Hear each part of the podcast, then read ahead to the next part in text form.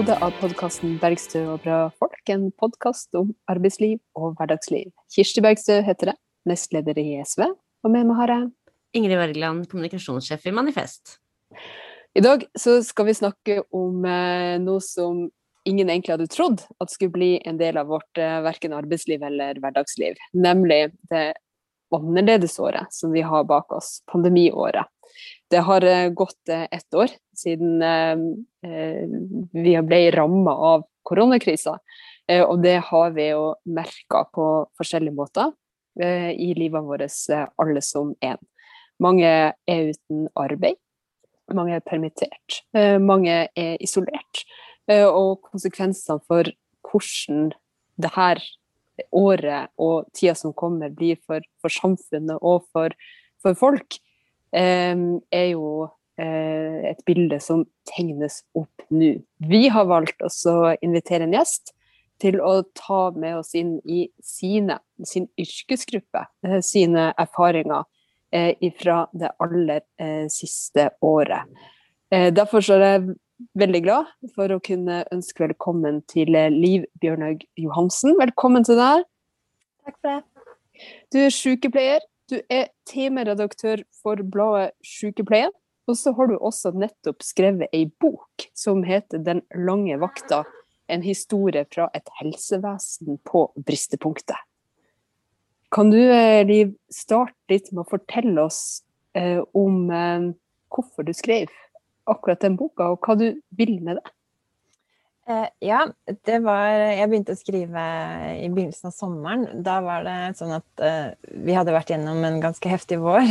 Uh, og da hadde journalister begynt å slippe til igjen. Og på forsiden av både liksom, Kvinner og klær og Dagbladet og A-magasinet så var det bilde av intensivsykepleiere. Uh, fordi de hadde endelig journalistene kunne begynne å intervjue og komme litt inn. da, Så nå begynte vi å få de historiene fra helsevesenet. og da hadde jeg selv jobbet Eh, en del vakter, jobbet vakter på eh, en eh, sengepost på sykehuset. Og så I tillegg så hadde jeg jobbet med en sånn dokumentarisk koronautgivelse da, i sykepleien, hvor vi hadde intervjuet og hentet inn tekster og betraktninger fra sykepleiere over hele feltet. Og jeg så at den, den framstillingen som jeg så i media, var veldig sånn superheltfokusert. Liksom. Disse utrolig superheltene som står på for oss Eh, og det er jo hatten av for alt det de har holdt på med på intensivavdelingene. Det har virkelig vært eh, tøft. Men den der superheltmetaforen kjente jeg at var veldig uheldig. Da. Jeg hadde ikke lyst til, å nyansere det bildet. fordi sykepleiere er helt vanlige arbeidstakere. Superhelter de er liksom har eh, kjempekrefter og ekstrem utholdenhet og er i tillegg motivert 100% av kallet sitt. Mens sykepleiere skal komme hjem fra jobb og lage middag til ungene, de skal hente i barnehagen og leve helt normale liv ved siden av. Da. Og jeg så også hvordan hele denne koronatrykket uh, um, sto jo ikke bare på intensivavdelingene. Det preget jo også hverdagen til folk som jobbet på sykehjem i kommuner som ikke hadde hatt en eneste koronasmitta pasient, var allikevel helt utslitt og hadde fått, uh, fått måtte sette både faglige prinsipper prinsipper og etiske standarder til side for å, for å kunne gjennomføre arbeidsdagen etter de rammene som vi fikk. Da. Så jeg hadde lyst til å presentere Det var det ene. Og det andre var at det var en litt sånn følelse at ok, nå var plutselig alle veldig interessert i hva sykepleiere driver med. Det er ikke hverdagskost. Eh, sånn at det føltes litt som man hadde lyst til å smile litt mens jernet var varmt. Da. For jeg føler at veldig mange av de problemstillingene som åpnet seg og ble veldig tydelige for oss, ble veldig, sånn, veldig tydelige under pandemien, sånn som sykepleiermangelen f.eks. Eh, var jo ikke nytt. Dette er noe vi har mast om i årevis uten at noe har, har skjedd. Da. Så jeg følte jo liksom at timingen var litt sånn OK, nå sto på en måte eh, spotlighten klar. Så det var noe med det å få brukt, det momentet da, til å fortelle en litt bredere historie om, om uh, hvordan vi kom dit vi er, og hvordan sykepleieryrket er pressa fra mange kanter. Mm. Da har du skrevet uh, ja, bok om, åpenbart, som, som, Kirsti nevnte, men du uh, skrev jo også en, en, tekst på årsdagen til uh, altså 12. mars, da, i Klassekampen, hvor du bl.a. beskriver dette med at, at dere som er helsepersonell, kan rett og slett liksom beordres altså uansett hva dere jobber med ellers, så har, man, liksom, har myndighetene liksom, rett til å bare sende dere inn i, i helsevesenet igjen fra uh, ja, deres, deres, skrivebord eller hvor dere måtte befinne dere. Fra en beautysalong eller hvor det, hvor det skulle være man hadde endt opp. Hvordan, hvordan opplevdes det?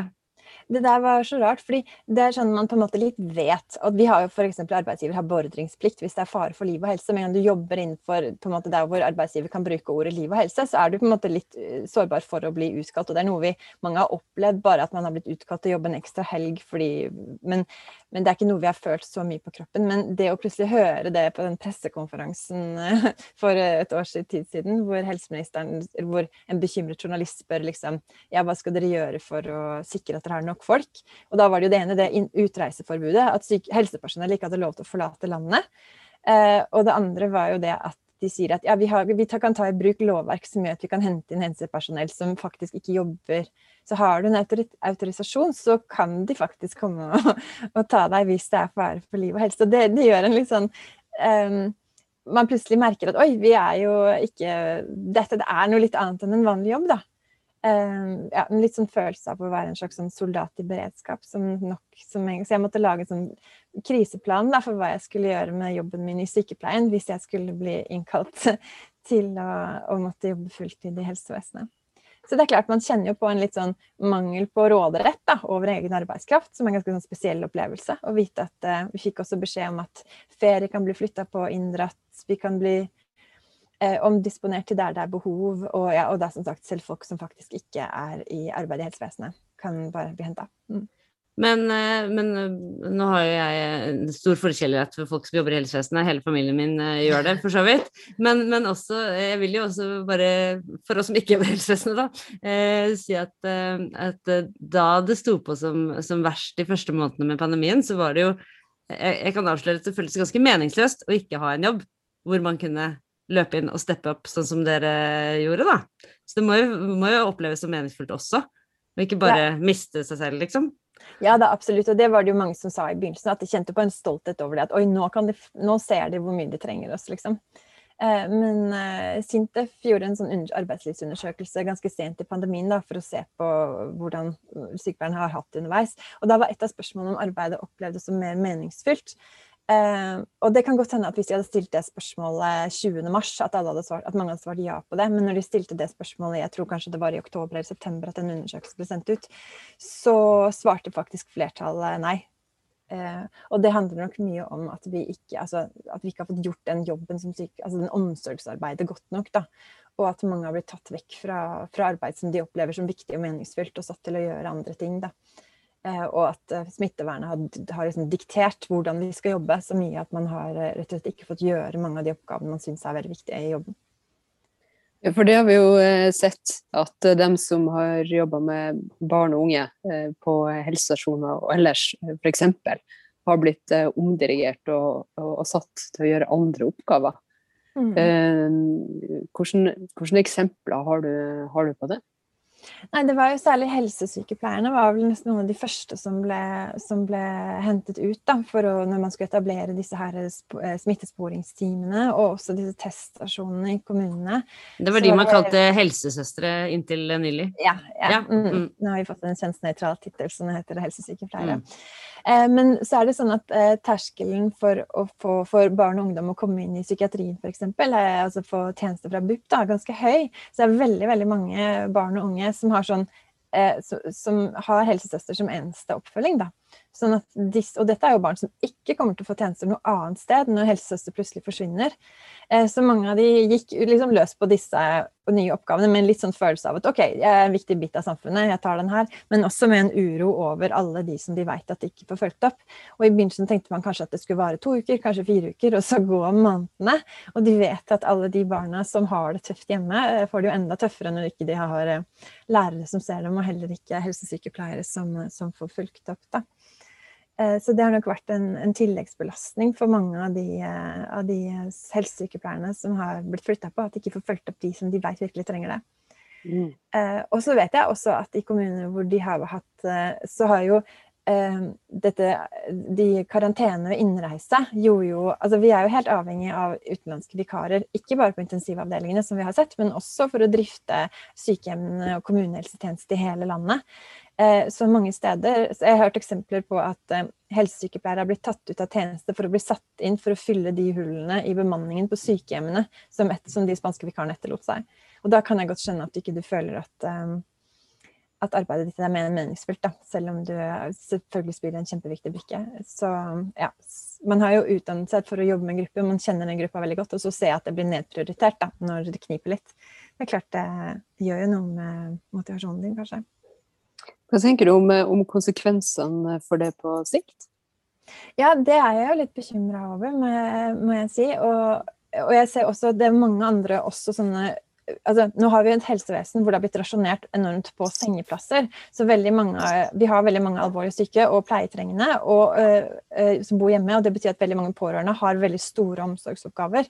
Blant annet f.eks. Uh, uh, mange med demens bor jo hjemme og har dagsentre som gjør at de blir henta hver dag og er borte seks timer, sånn at de pårørende får henta seg litt inn og får, får hvilt litt, lagd mat og handla, liksom. Og nå har jo mange, under den første nedstengingen så forsvant jo veldig mange av de tjenestene.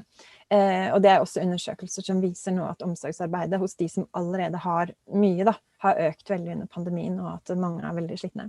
Så jeg tror nok man vil mm. se en sånn um, um, Ja, vi ser også, jeg vet det var, det var vel um, noen psykologer som var ute for et par uker siden med en sånn bekymringsmelding om psykisk helse hos barn og unge. Og vi ser også spiseforstyrrelser. Er det veldig mange av de som har hatt spiseforstyrrelser som har vært under kontroll. De, de har fått det mye dårligere og blitt mye sykere og fått, vi ser flere innleggelser i, i um, psykisk helse av den gruppa nå, da.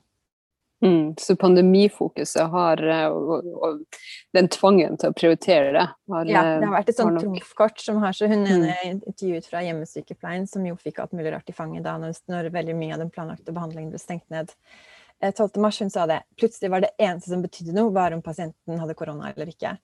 Eh, og mm. alle koronahensynene, alle smittevernhensynene var liksom trumfen for alt. Men det er jo fortsatt, det var jo allikevel akkurat like mye av de andre sykdommene som, som, ellers, da. Men det ble en sånn, ja, en sånn trumf da, som satte alt andre til side, og plutselig ble mindre viktig. Mm. Det er jo mange som eh, har behov for avlastning. Eh, ja, hvis man har barn med, med store, eh, store, behov som man ikke klarer å dekke, eller som må dekkes hele døgnet. Som også har opplevd at det har blitt borte, og at veldig mye tilbake til, til familien for dem som, som, har det veldig tøft. Men du nevnte at dere ble på en måte kalt ut som en eh, Du sa vel noe sånt som en soldat som ble kalt ut i krigen. Si. Eh, det her skjedde jo i en situasjon der dere eh, hadde veldig liten mulighet til å, å, være med på å sette premissene for egne arbeidsforhold. Eh, mm. For eh, hvordan skal det kompenseres at man må trø ekstra til. og det her Dugnadsbegrepet er vel kanskje noe som eh, flere har fått et litt mer anstrengt forhold til, fordi at man har jo aldri tenkt at det skal være knyttet til lønnsarbeid. Eh, kan, kan du si litt om det? Hvordan helsepersonell har opplevd den, eh, den situasjonen og det arbeidstrykket som, som har kommet som følge av pandemien? Ja, jeg tror nok mange satt med en følelse av at alle regler Altså ting forandret seg jo fra dag til dag. Og ellers er det jo ofte sånn treige prosesser på sykehus. Og det er mange, det er sånn et godt etablert sånn trepartssamarbeid som gjør at endringer i turnus går gjennom tillitsvalgt først. Og altså det er en, del, en masse sånne bremser før ting blir, eh, blir, eh, blir, endret. Mens nå så var det bare å få beskjed og møte opp der man fikk beskjed om, og ting ble endret fra dag til dag. Og det var som om hele det beskyttelsesapparatet var vekk, da. Og det var um, uh, ting kom liksom høyt ovenifra hele tiden. Eh, og vi følte vel at vi hadde veldig lite innflytelse. Det er det flere av de som jeg intervjuet også, som sier, som ble flyttet på da, til helt andre arbeidsoppgaver og helt annen arbeidstid, som rett og slett ikke ble spurt. Det var bare eh, ja. Men det er sånn når du beskriver at uh, man får beskjed om å holde to meters avstand og man skal stelle en pasient, eh, så skjønner mm. du Man trenger jo ikke ha sykepleierutdannelse for å skjønne at det er kanskje nei, det, var sånn. det var jo tidlig i pandemien hvor det fortsatt var eh, ikke anbefalt å bruke munnbind, hele tiden. Sikkert litt betinget av at man faktisk ikke hadde så mye munnbind at det var gjennomførbart. Det, så da fikk vi beskjed om å holde to meters avstand til hverandre og til pasientene. Eh, og det sier seg jo selv at det ikke går, da, og sånne beskjeder gjør jo at man at du får en sånn individualisering. altså du får, et, du får, et, problem i fanget, da, fordi det er helt åpenbart at dette ikke lar seg gjøre. Altså Ikke engang kollegaer var det nesten mulig. Du, sitte, du har så få PC-er at man sitter rundt sammen med PC-er under rapporten. Og vi sitter, medisinrommene er jo bitte små med dårlig ventilasjon. Vi holder jo på flere av gangen der. Så det var liksom arbeid, altså rammene var, Det var liksom ikke mulig å gjennomføre den avstanden etter de rammene. Så da blir det liksom sånn Ok, ledelsen har sagt det, sånn at Å ja, du fulgte ikke beskjeden fra ledelsen? Nei, det, da får du ha det så godt. Følte jeg nesten blir, blir litt sånn. Mm. Ja, jeg hadde en, en av intervjuet som ble smittet på sykehuset når, det, når hun meldte det som arbeidsskade. Så eh, fikk, fikk, hun spørsmål om men fulgte du faktisk eh, retningslinjene. Mm. Mm. Takk deg sjøl. Ja, ikke sant. Mm. blir jo sånn du, du, nevner jo i den her den, eh, eh, artikkelen eller innlegget i Klassekampen, eh, så nevner du en noen forskere som har sett at både depresjon, posttraumatisk stressyndrom og, eller, og symptomer på angst har vært noe som har prega flere helsearbeidere i, i, Norge, og at det har vært, vært at det har vært, heter det, aller verst, for de som har vært tett på, på de heftigst berørte områdene. Eh, hva, hva, hva, tenker du at, at det sier? Eh, ja, jeg tror nok det er jo mye Vi har litt lite tradisjoner for sånn debriefing og sånn, sånn som de er flinke til i Forsvaret f.eks. For at de har, eh, har, har prosedyrer for hvordan de følger opp folk som har vært utsatt for, for litt heftige inntrykk og vanskelige situasjoner. Mens i helsevesenet er det litt sånn derre um, uformell kollegastøtte, kanskje. Mange kanskje får tilbud om en samtale, men det er ikke satt i noen faglige rammer. Det er ikke satt i noen eh, Kanskje noen intensivavdelinger og de mest ekstreme stedene. Men sånn for sykepleiere flest er det veldig lite organisert, det der debriefing-arbeidet. Så jeg tror veldig mange sitter igjen med, og særlig nå når vi har stått overfor en sykdom som er litt ny også, og det er nye Man vet faktisk ikke helt hvordan disse pasientene responderer på den behandlingen vi gir. Men det har vært mye, mye snakk om at koronapasienter f.eks. trenger mye større doser av både beroligende og smertestillende for å få god lindring. Og det har jo tatt litt tid å komme fram til. Og det å stå alene også og gi større doser enn du er vant til, er også litt skummelt. Så mange har vært i veldig sånn utrygge og litt skremmende situasjoner med pasienter med stort lidelsestrykk. Og så har de kanskje ikke fått bearbeida det godt etterpå, da. Og så er det opp igjen neste morgen og på jobb igjen klokka sju. Kanskje sovet mm. dårlig og Så det har jeg kanskje savna litt. Eller tenkte jeg håper at vi, at, at vi helsevesenet blir flinkere til å ta vare på, på folka sine, da. Eh, med også det hva skal jeg si, psykososiale og den, det å gå gjennom hva du har vært gjennom og få snakka litt og, altså, i en profesjonell ramme, da. Ikke bare sånn kollegialt at, at, at, eh, at du kan satse på at kollegaene passer på hverandre. For det er ikke mm. nok, da. Nei, og det er vel ikke gitt at dere har tid til det heller? Nei, det er det jo heller ikke. Mm. Og hvis man også er i nye situasjoner, så er det jo kanskje ikke de vante kollegaene som helt vet hvordan vi funker heller, som eh, kan ta de ekstra tre ordene i gangen som gjør at du står oppreist dagen etter. Ja, det er jo riktig. De der uh, nyetablerte koronaenhetene, så har de ofte plukket folk fra hele huset, og i tillegg hentet inn noen nye som kanskje ikke har vært i arbeid i helsevesenet på mange år. Og de ser hverandre nesten ikke uten smittevernutstyr heller, så det er klart det blir jo et helt annet uh, kollegium. Mm. Du beskriver jo også i boka eh, noe av det første som ble borte, nemlig de pårørende. Kan du fortelle litt om hvor, hva, hva, det gjør? Fordi altså, jeg tenker jo på velferdsstaten og helsevesenet vårt som en sånn veldig sånn profesjonell eh, enhet. Men så når man har vært eh, pasient selv, så, eh, eller hatt nære pårørende som er, har vært det, så vet man jo at det, at det, er jo det er jo, selv om det ikke er like mye folk som i, sikkert i mange andre land, hvor det er, hvor det er familien som må komme med både mat og, og, og stell, så er, jo, så er jo pårørende en viktig, viktig, har jo pårørende en viktig funksjon også, også i det norske helsevesenet. Ja, absolutt. absolutt. Eh, og det har det jo virkelig. Um, også på sykehusene så merket vi veldig det at, uh, at de ikke var der lenger. Pasientene blir veldig veldig mye aleine. Uh, og vi går glipp av en masse informasjon. fordi når vi får inn en pasient som vi ikke vet noen ting om, så det den forteller om seg selv, det er ofte ikke det samme som kona som kanskje komme og supplerer dette på. Så det var mye informasjon vi ikke fikk, og også andre veien. da, at Det å få en masse nyheter i fanget når du er syk og litt redd, så fester gjerne ikke informasjonen seg helt. Og, um, så hele det informasjonsarbeidet. Og så pleier vi jo alltid å sørge for at noen har med seg noen. Men nå var det jo mange som ble sittende helt alene og ta imot dårlige nyheter, f.eks. Eller informasjon om kompliserte behandlingsforløp, uten at de hadde, hadde noen der til å si, notere og holde i hånda og kunne snakke om det etterpå.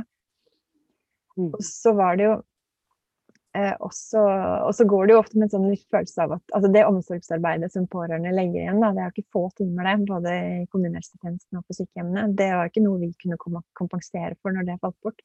Så vi følte vel liksom at eh, at mange var for mye aleine, da. Hadde for lite Det er ikke veldig mye tid vi har til å småprate og få bare stimulert eller fulgt folk ut, f.eks.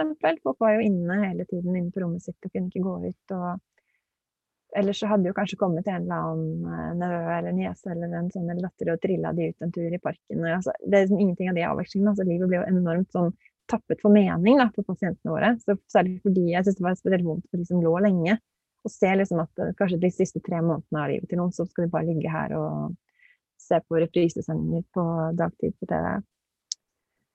Og ingen mm. har egentlig det gode, det gode samværet, da, tid til det. Ja, for det, det, har vi jo sett eh, en del pårørende som har eh, Eller berørte som har, som har laga det opprøret med å ikke skulle føde alene. Mm. Og det er jo veldig forståelig, det. Mens de som jo ikke kan lage et opprør eller opprop, det er jo de som ligger og dør alene. Ja, for det er jo også sånn vi fikk lov å gjøre unntak da når folk var enten hvis de hadde etter hvert Det var, litt, det var i hvert fall forskjellige faser hvor strengt det var, da, men på det strengeste så var det eneste unntak hvis folk faktisk var døende. Men da er det et nytt spørsmål som er sånn Når er du døende? Er det når du forventer mm. at du dør i morgen? I overmorgen? En uke? Altså, det er på en måte um, fordi når vi definerer noen som terminale, da, som vi sier, da er det jo på en måte kommet dit at de har sluttet å spise, de sover veldig mye. Det er jo ikke da det gode samværet kommer. Det er ikke da du får de fine samtalene. Da er det litt for sent. Er det veldig sånn klare retningslinjer på det? Får man det som helsepersonell? Eh, sånn når, for jeg vil jo tro at det er noen ganske vanskelige etiske dilemmaer ja. og, og, veiinger når man egentlig kan slippe inn de pårørende her, f.eks. Eh, ja, det har vært litt forskjellig eh, i som sagt, i forskjellige fasene. Den første nedstengingen så var det veldig strengt, og da kom det liksom ovenifra at bare de som var erklært døende skulle ha besøk. Og så har vi myket litt opp, og så har det vært Og da har jeg egentlig følt at, at vi som sykepleiere og avdelingslederen, gjerne det er gjerne avdelingslederen som har bestemt, da, men de hører jo på oss når vi sier at her er det spesielle behov. Hvis det er en angstsituasjon eller noen veldig lav alder eller en veldig alvorlig sykdom, kanskje noen som har små barn, at vi har Jeg har ikke opplevd å ikke få ja da når jeg har sagt at jeg syns at han trenger besøk. Mm. Eh, men, eh, mm. men, det er jo eh, Alle skal jo trenge besøk. De er på sykehus fordi de er syke og redd og har vondt. Liksom. Mm. mm. Men Liv, jeg har lyst til å bare dvele litt ved den tittelen på boka di. Vi kan ikke avsløre alt av innhold, fordi folk må jo lese den. Men eh, når undertittelen til Den lange vakta er 'En historie fra et helsevesen på bristepunktet', da vil jo de fleste som i hvert fall leser tittelen, tenke at her handler ikke bare om at helsevesenet blir utsatt for en ekstra prøvelse nå. Mm. Du, du, trekker jo opp både i samtalen nå og innlegget i Klassekampen og i boka til en del, en del andre utfordringer som, som eh, ligger tungt over helsevesenet i dag. Kan ikke du dele noen av dine tanker med, med, med lytterne våre om det?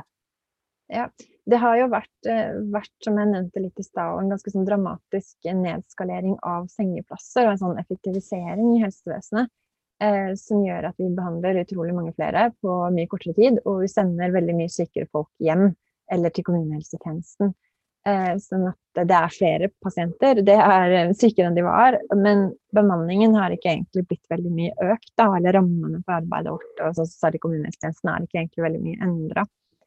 Eh, så det har liksom bare blitt løst med at vi skal løpe litt fortere og, og, jobbe litt raskere. Og bruke mindre tid på det som kanskje sykepleiere de, oppgavene som kanskje gjør at folk vil bli sykepleiere, da, nemlig omsorgsoppgavene. Eh, så, eh, og særlig i kommunehelsetjenesten har det skjedd enormt mye på bare de siste ti årene med denne samhandlingsreformen. Eh, og hjemmesykepleien har fått et kjempetrykk. Har, altså, folk som bor hjemme nå, det er folk som ville ligget på intensivavdelingene for ti år siden. De ligger hjemme med respirator og dialyse. Eh, og hjemmesykepleien har, eh, har kjempestramme bemanningsrammer. Og vi ser også på ja, frafallet av sykepleiere er jo, er jo veldig høyt.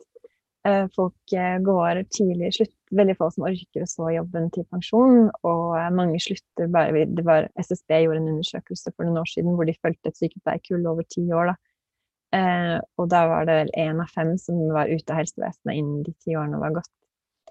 Eh, så um, vilkårene Jeg skriver også litt om det i den boka. Den avdelingen jeg jobbet på um, under dette året, er veldig sånn hektisk kirurgisk avdeling med veldig høyt turtall, og hvor du har joggesko på. Eh, og det er jo nesten ingen over 35 år som jobber på den avdelingen, eh, fordi det er for slitsomt. Eh, sånn at eh, rammene var super, super stramme. Strikken var helt høyd før dette her skjedde. Eh, så eh, det er det som ligger i denne utviklingen. Så kommer korona på toppen, og da blir det akkurat som om du ser for deg en sånn litt stappa full sekk. Da. Så trykker du liksom enda en ting i det, så begynner du liksom å se hvor sømmene spriker. da. Og det syns jeg ble veldig tydelig. Koronaen ble en sånn forstørrelsesglass da, på veldig mye av hva som, hva som allerede er problemet. Du, nå nevnte du Samhandlingsreformen, og for, for, de som ikke er så kjent med det begrepet, så er jo det eh, som du var inne på, altså at, eh, at, eh, kommunen og, staten skal samhandle. altså Man skal sende da For å få ned liggetid på sykehusene, fordi det er dyrt at folk er på sykehusene, så tenker man da at det er jo bedre at de kommer til kommunehelsetjenesten, da kommer til sykehjem, og så, og så hjem, ikke sant. Men, men, så er det som du sier, at dette fører til et, et enormt press på på en allerede presset eh, kommunehelsetjeneste. Eh, og du har jo snakka med, eh, med, folk som har jobbet ute i kommunehelsetjenesten også. Hvordan, hvordan har de opplevd koronaen? Det var store for meg som jobbet på sykehus da i mars. Så var det litt om å gjøre for meg å få alle pasientene mine ut. Jeg tenkte at sykehuset må være et av de farligste stedene å være akkurat nå. Så, og det var jo veldig mange av de planlagte behandlingene som uansett ble stengt ned. Så jeg jobbet jo helt systematisk med å bare måke folk hjem og var kjempefornøyd og klappa meg selv på skulderen og dette hadde klart å sende hjem jeg da noen måneder senere intervjuet en som jobbet i hjemmesykepleien, så fikk jeg helt andre perspektiv på det. da, fordi det var jo ikke sånn at de ble bemannet opp for å ta imot den bølgen av folk med helt uklare behandlingsmål som plutselig kom ramlende inn. da. Så der fikk de et kjempetrykk eh, av folk som kom inn uten å egentlig ha noen plan. De, altså Behandlingen er utsatt, vi vet ikke når den skal tas opp igjen. Og det er jo ikke sånn at folk vi behandler de som skal inn og opereres i Norge, det, de har jo en grunn til det. Og når du utsetter ting, så alltid, følger det jo med en rekke muligheter for komplikasjoner og risiko, og krever ganske mye oppfølging i mellomtiden. I tillegg så var det jo sånn med disse besøksrestriksjonene gjorde at uh, veldig mange ikke ville dø på sykehjem eller på sykehus, for da måtte de faktisk være der aleine uten å kunne ha pårørende rundt seg. Så veldig mange av de som ellers kanskje ville dødd på f.eks. en lindrende enhet i kommunen, de ville nå dø hjemme. Og det er jo kjempefint når det er godt planlagt og familien er klar for det, men det er også enormt krevende eh, for det helsepersonellet som skal støtte opp rundt den prosessen. Da. og sykepleierne i hjemmesykepleien de er jo ikke spesialister, de er jo generalister. Og de får jo ofte de sykeste pasientene fra en masse forskjellige avdelinger. Så de har jo pasienter med Eh, dren fra lungene, og plutselig får de en pasient med galledren fra gastrokirurgisk, og de har kolspasienter og hjertepasienter. Altså, de må kunne utrolig mye, og masse av disse krever ganske mye oppfølging. Da. Så, eh, samtidig som det er, måte, det er altså så langt mellom sykepleierne, og det er så mye hull i de turnusene som blir fylt opp. Hun sa vi tar inn folk fra gata. De, har, eh, altså, de er glad for alle som vil jobbe der, liksom. Så de har hatt masse ufaglærte som har jobbet også med eh, disse smitteregimene. Og det med de, smittevern er kjempevanskelig. Det er jo særlig hjemmesykepleien, hvor du kan se for deg at du skal inn til noen og gjøre noen prosedyr hjemme hos noen andre, og så gå ut igjen uten å ta med deg noe inn eller ta med deg noe utenfra. Det krever veldig mye planlegging fra begynnelsen av. Eh, og det er fort å gjøre noe feil, liksom. Eh, så hun har jo også vært veldig bekymret hun som jeg intervjuet over om disse ufaglærte faktisk har fått god nok opplæring i smittevernet, eller om de faktisk kan utgjøre en trussel for pasientene da, ved å dra med seg smitte mellom, eh, mellom pasientene. Så det har vært et kjempetrykk i hjemmesykepleien, som vi har snakket veldig lite om, egentlig. Men, eh, men, eh, det er vanskelig kanskje å spole tilbake nå til da dette startet for et år siden. Men det var jo eh, veldig, noen veldig intense dager. Altså, vi husker sikkert mange hvor vi var nærmest da vi hørte om pressekonferansen osv. Eh, men men klarer du å huske tilbake til hva du så for deg med tanke på tidsperspektiv? Hvor lenge dette skulle vare? Uh, jeg veit ikke, men jeg tror ikke jeg hadde fantasi til å se for meg at det skulle vare et år. Nå er jeg veldig optimistisk anlagt, da. Mm. men, uh, men, vi så jo for oss kanskje mer en sprint, og så ble det et maraton. Ja, og vi ante jo ikke hva vi sto ovenfor heller. Da så vi jo de bildene fra Italia og Spania. Så galt ble det jo heldigvis aldri i Norge. Men det var veldig sånn følelse av å liksom virkelig ikke ane hva du, hva du sto ovenfor. Men jeg hadde ikke fantasi til å forestille meg at vi skulle sitte her på hjemmekontor i et år senere. Nei, nå brukte du metaforen sprint og maraton. Det finnes noe som heter ultraløp også, og jo, de kan jo være opptil sånn åtte-ti mil. Eh, for de som ikke er klar over det, så er maraton 4,2 mil. Ja, nei, altså jeg syns det er vanskelig. Vi vet jo ikke når dette er slutt ennå. Jeg syns jo den vaksineringen og sånn, det er jo Selv om Folkehelseinstituttet sier at de har en plan og sånn, nå er det jo Vi er jo avhengig av eh, Eh, legemiddelselskaper som plutselig bryter avtaler, og plutselig så var det ikke så bra likevel, og så Jeg vet ikke, hva, hva tenker du Hva tenker du ser slutten nå? Ja, nå har jeg sagt det mange ganger. Som sagt så er jeg optimistisk fortsatt, da. Men det er litt vanskeligere og vanskelig. Jeg kjenner at, eh, at, jeg har nesten sluttet å prøve å se framover, fordi uh, man har liksom blitt skuffa så mange ganger. Men det er jo vanskelig å se for meg at um, i løpet av sommeren må vi da kunne leve nærmere mat. Men som sagt, det er så Ja, jeg vet ikke. Jeg har bare helt sluttet å tenke fram. mm. Det har jo, eh, Du nevnte jo i sted at, eh, at, du er litt bekymra, at flere har uttrykt bekymring rundt om de ufaglærte eh, egentlig har den kompetansen som trengs, eller den opplæringa som trengs for å kunne gå inn og ut i folks hjem og, og forhindre smitte samtidig. En, en, annen utfordring som har vært oppe, har jo vært det her med deltidsarbeid, som jo mm. dessverre preger veldig store deler av helse- og omsorgssektoren. Spesielt alvorlig for uh, helsefagarbeidere, men også sykepleiere, som, som rett og slett uh, har blir avspist med små stillinger, og der mange også tvinges til å jobbe ulike plasser.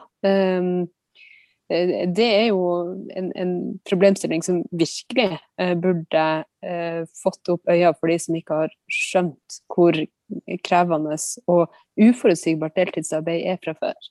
Mm, absolutt. Og jeg synes det å se at selv under dette her var et av spørsmålene jeg tror i den undersøkelsen til Sintef, var det noen, det er i noen som har gjort en undersøkelse av det for å se om det ble noen endringer under koronaen, på at man sørget for å gi folk økte stillinger, eh, sånn at de faktisk slipper å jobbe flere steder. Men det har de faktisk ikke fått til.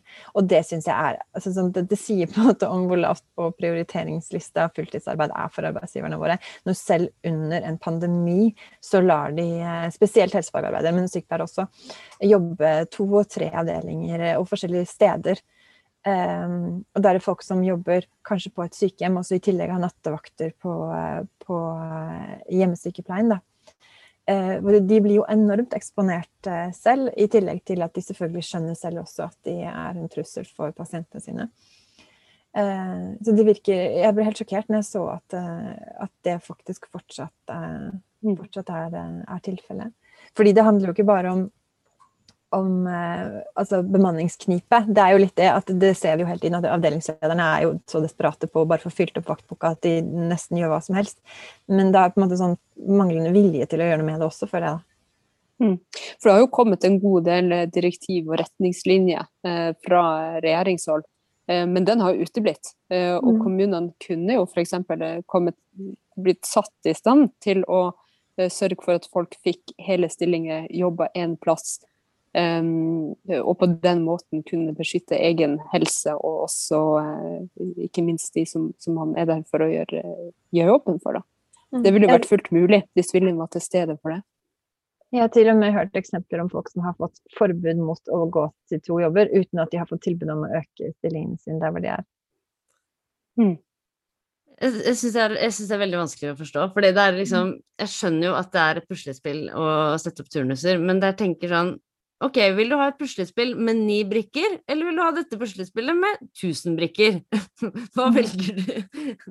ja, det er jo Ja, det, det er veldig, veldig Det er litt sånn tissing i buksa for å holde varmen-opplegg, da. Det skjønner jeg at man mm. driver med når det er stress, men eh, ja, på et eller annet tidspunkt så må man liksom stoppe opp og, og fikse det. Og sykepleierne blir jo alltid møtt med dette her hver tredje helg-argumentet. da, At vi på en måte legger kabalen og insisterer på å jobbe hver tredje helg. Men det er veldig mange helsefagarbeidere som jobber annenhver helg for å få fulle stillinger, eller for å få større stillinger, eller faste stillinger. Men allikevel får de faktisk ikke fulle stillinger. Så det er på en måte så åpenbart at det, det er ikke bare der det skoen trykker, da. Mm. Det er en helt annen vilje som ikke er til stede. Mm. Mm. I varsel varsla krise har vi hørt eh, lederen i eh, Sykepleierforbundet egentlig kalle den situasjonen som hele helsevesenet er i. Og jeg syns jo at du har adressert veldig mange av de utfordringene som har vært både siste året, men som, som, som preger helsevesenet ellers. Er det noe sånn mot slutten her som du har lyst til å dele, som har, som har gjort ekstra inntrykk på det, eller som Eh, fra de historiene du har hørt fra rundt omkring i landet, eller som du tenker at er avgjørende at vi tar et, et skikkelig grep om fremover, som samfunn? Ja, jeg tror eh, en av de tingene som eh, gjør det veldig vanskelig å være sykepleier, er at vi har så utrolig bredt ansvarsområde. Hver gang det dukker opp et eller annet problem i et sykehus, eller en ny oppgave i sykehus, sykehus om det er knyttet til et forskningsprosjekt som en eller annen lege på avdelingen skal avvikle, eller om det handler om at en pasient ikke har lader til iPhonen sin, så er det sykepleierens problem. Da. Det er på en måte en veldig uavgrensa rolle, og det er veldig dårlig med støttepersonell, som gjør at vi bruker utrolig mye energi på ting som andre kanskje kunne gjort bedre enn oss. Og jeg syns denne pandemien så har du på en måte fått den samme, den samme liksom oppskalert da, ved at at det er sykepleiere de har tatt av når alle nye behov melder seg. Det er sykepleiere som har drevet med smittesporing, som har drevet med testing, som har øh, tatt øh, Det er sykepleierlederne som har organisert en masse av disse nye tjenestene. Og det, at, vi har, øh, at jeg savner liksom at, at, man kan se litt kritisk på hva skal egentlig sykepleiere drive med. Er det riktig at vi skal løse alle problemer som oppstår i helsevesenet? Um, mm. Det tror jeg i hvert fall sånn fra sykepleierhold da, kunne vært liksom et uh, viktig grep for å få også kanskje gjort noe med sykepleiermangel. Da. Og rett og mm, slett avgrense oppgaver litt og hente inn uh, andre personell, liksom. Ja. Nok folk, men også rett folk på rett plass. Mm. Mm. Du, Liv, du har jo ikke alltid vært uh, sykepleier. Uh, vi har et uh, fast spørsmål i denne podkasten. Det er hva var din første jobb? Ja, eh, Ingrid varsla at det spørsmålet kom, og da tenkte jeg å, det var da jeg var servitør da jeg var 19, og det var så fint. Og, men så husket jeg nei, det var ikke egentlig det, for jeg begynte å grave litt dypere inn i hukommelsen. Så kom jeg på at jeg hadde en vaskejobb på post, altså de, postmottaket i Lillehammer kommune som en venninne av meg skaffet seg der, for hun jobbet der. Og hun er litt mer som sliter. Mens eh, for meg var det Jeg jobbet der bare den ene dagen. Eh, og det var et sånn, eh, hva skal jeg si, klassesjokk, tror jeg. Jeg kommer fra et eh, akademisk middelklassehjem og var vant til å bli behandla som folk. Og det å komme ut dit som vaskepersonell og, og det, var så, det, var så, mye jobb, det var så tungt, og det var så hardt, og det var så slitsomt. Og så i tillegg alle disse menneskene som jobbet rundt enten på kontoren eller i postsentralen, som ikke engang ser på deg, liksom. Du er bare luft det var rett og slett ehm, Det var helt sånn eh, Det var en overskridende opplevelse. Den ene dagen på posten følte jeg at jeg bare plutselig forsto eh, hva klasse egentlig var, da. Eh, så det mm. ble med den ene dagen. Men det var mitt første lønnearbeid, og jeg kanskje ikke ble så veldig Jeg bare tror ikke jeg er så veldig flink til å vaske heller. Men, men det var veldig lærerikt. Det må jeg si. Det ble med den egne dagen, men eh, ja. klassekampen, den må drives hver dag. Tusen takk for at du kom til oss eh, og delte noen tanker og erfaringer fra det siste eh, tunge året. Og ikke minst pekte litt fremover om hva som må gjøres nå. Og tusen takk til alle som har trødd til og, og, og virkelig stått på for at alle Eh, vi skal være eh, trygge og i gode hender det, det siste året. Eh, vi vet at applausene har vært der. Lønna og ordentlige arbeidsforhold og nok kollegaer, det er noe som gjenstår. Tusen takk for følget. Kjære du som hørte på, fortsett med det.